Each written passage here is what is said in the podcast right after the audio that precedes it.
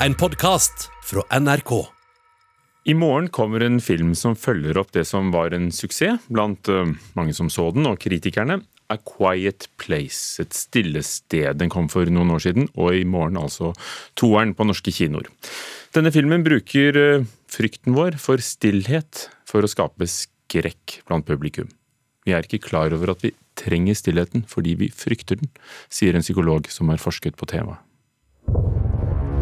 Vi som samfunn frykter stillheten, og det er det denne filmen peker på.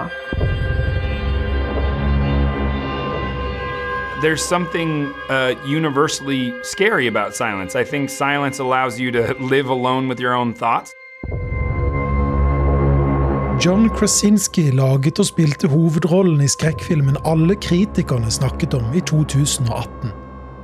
I morgen har oppfølgeren til filmen A Quiet Place premiere. Handlingen foregår i et postapokalyptisk samfunn der utenomjordiske skapninger dreper alle som ikke klarer å være stille. I think silence is one of those things that can be in, incredibly meditative and helpful. And I think it can also allow you to be alone with your thoughts that can, you know, sometimes be a scary place. Forteller Krasinski til NRK. Stillhet setter i gang fantasien hos oss mennesker, sier han. Derfor egner det seg for skrekkfilm. Even with my kids, when we're doing uh, pretending to scare each other, you start hearing things in the woods and you hear uh, birds or creatures outside that you hadn't heard before, and your imagination takes over and runs wild. So I think there's a relationship between silence and imagination that I that I think is really powerful. Og, og, det er jo veldig interessant at eh, en film kan få en til å reflektere over dette med lyd eh, og eh, støynivå i vår egen tid. da. Sier Janne Stigen Drangsholt. Hun er professor i engelsk litteratur ved Universitetet i Stavanger og har skrevet mye om slike postapokalyptiske filmer. Nærmere to millioner nordmenn er faktisk utsatt for støy over 55 desibel daglig, viser tall fra Statistisk sentralbyrå. Men kun litt over 300 000 nordmenn mener selv de er plaget av støy. Folk er ikke klar over at de trenger stillheten, fordi de frykter den, sier hun som har forsket på stillhet. Stillhet skaper eller fremmer vår opplevelse av usikkerhet. Og det er noe som vi ikke liker som mennesker. Vi ikke liker usikkerhet. Psykolog Olga Lehmann ved NTNU skrev om stillhet i sin doktorgradsavhandling. Stillhet gjør masse gode for oss.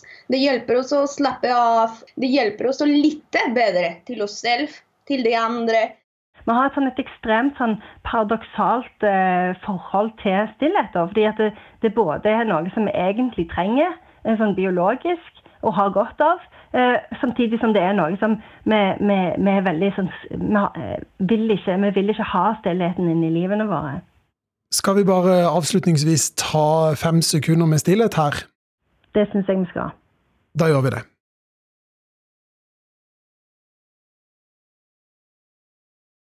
Det gikk jo fint, det. Det gjorde det, men det er utrolig hvor vanskelig det er å være stille. Men de klarte det, reporter Christian Ingebretsen. Så hva, hva blir det? En kritikersuksess denne gangen også, med oppfølgeren til A Quiet Place? Vi kan i hvert fall høre med NRKs filmkritiker Birger Vestmo hva han syns. It's okay. It's okay. We're okay. We're okay. That, that's Dad. Okay. That's Dad. Dad. Dad. Where? Where? Where? Where? Where? Mom. Mom. Oh my. A Quiet Place 2 byr på solid og sjølsikker skrekkfryd, som innfrir forventningene til hva en oppfølger skal gjøre. Den bygger videre på elementene som gjorde den første til en suksess, samtidig som den utvider universet og legger opp til enda mer spenning med friske tilskudd. Det viktigste er at man fremdeles føler for de hardt prøva hovedfigurene, som makter å fremstå som ekte mennesker med sterke bånd til hverandre, sjøl under sci-fi-inspirerte og fantasifulle omstendigheter omstendigheter. I don't know why I came all the way up here. There's nothing left. Historien foregår òg denne gangen under en invasjon av digre, blodtørstige og insektlignende skapninger fra verdensrommet, som jakter mennesker etter lyden med ekstremt god hørsel. Etter en prolog som viser hvordan det hele starta, tar filmen opp tråden akkurat der den første slutta. Evelyn, spilt av Emily Blunt, dattera Reagan, spilt av Millicent Simmons, og sønnen Marcus, spilt av Noah Jupe, legger ut på en farefull vandring fra familiegården for å søke hjelp. De finner naboen Emmet, spilt av Killian Murphy, som har laga seg et eget tilfluktsrom i en gammel fabrikk, men når de fanger opp radiosignaler med mulig informasjon om et sikkert sted, rømmer Reagan for å finne det.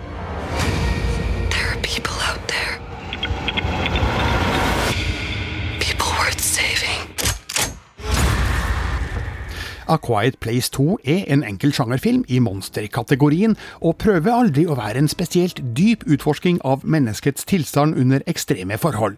Den er imidlertid svært god på sin fremste funksjon, nemlig å skremme vettet av publikum med jevne mellomrom. John Krasinski har skrevet flere intense spenningssekvenser som han har regissert med en god teft for hva som skaper effektiv skrekk. Det gjelder både det stemningsskapende fotoarbeidet, den effektive klippinga og den innovative lyden, men òg den nøysomme bruken av monstre i bildet. Samtidig er alle skuespillerne så gode at den emosjonelle slagkrafta er større enn den stramme spilletida på 97 minutter egentlig skulle gi rom for. Uten å avsløre for mye, kan det sies at A Quiet Place 2 avslutter på en måte som åpner opp for en tredje. Om John Krasinski og co. kan levere like tett og intens skrekkspenning som i de to første filmene, er det vel verdt å vente på mer. Terningkast fem. Ja, A Quiet Place 2 ble altså anmeldt av eh, vår kritiker Birger Vestmo, og du kan som vanlig finne denne og alle andre anmeldelser på nettsiden vår nrk.no anmeldelser. Roald Amundsens barndomshjem åpner for besøkende. En av våre mest kjente polfarere, kanskje mest kjent da for eh, Sydpolen-ekspedisjonen i 1911. Kulturreporter Heather Ørbeck Eliassen, hva får vi se hvis vi tar turen til barndomshjemmet hans? Vi får jo se mange nye bilder eh, fra denne oppdageren, kjente oppdageren. Og det er en utstilling som heter 'Drøm store tanker, nå høye mål'. Og det er da et samarbeid med Fram-museet, så her kan man lære enda mer om Amundsens liv og oppdagelser. Og huset er altså bevart som det ble opprinnelig bygd, eh, og er også slik den var da han ble født her. Men hvor er det? Hva, hva er det? Det er eh, ved Fredrikstad eh, og eh, heter da Tomte. Og det er et skipperhus fra 1858, da, så noen år før han ble født. Og er bevart altså som det var bygd også, også innvendig. Men det er jo ikke det eneste av Amundsens hjem som er eh, mulig å besøke? Nei, altså hjemmet hans Uranienborg i Follo på Svartskog, eh, hvor han bodde etter mange av ekspedisjonene hans er et museum i dag. og Der bodde han altså til hans død i 1928, og det er da også et museum, som du sier. Så dette er ikke første gangen.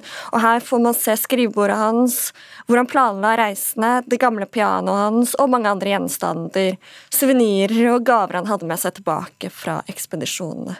Uranienborg i eh, Svartskog, altså, som er da ved Bunnefjorden, ikke langt eh, sør for Oslo. Takk, eh, Hedre Øbekk Eliassen. Du har hørt en podkast fra NRK. Hør flere podkaster og din favorittkanal i appen NRK Radio.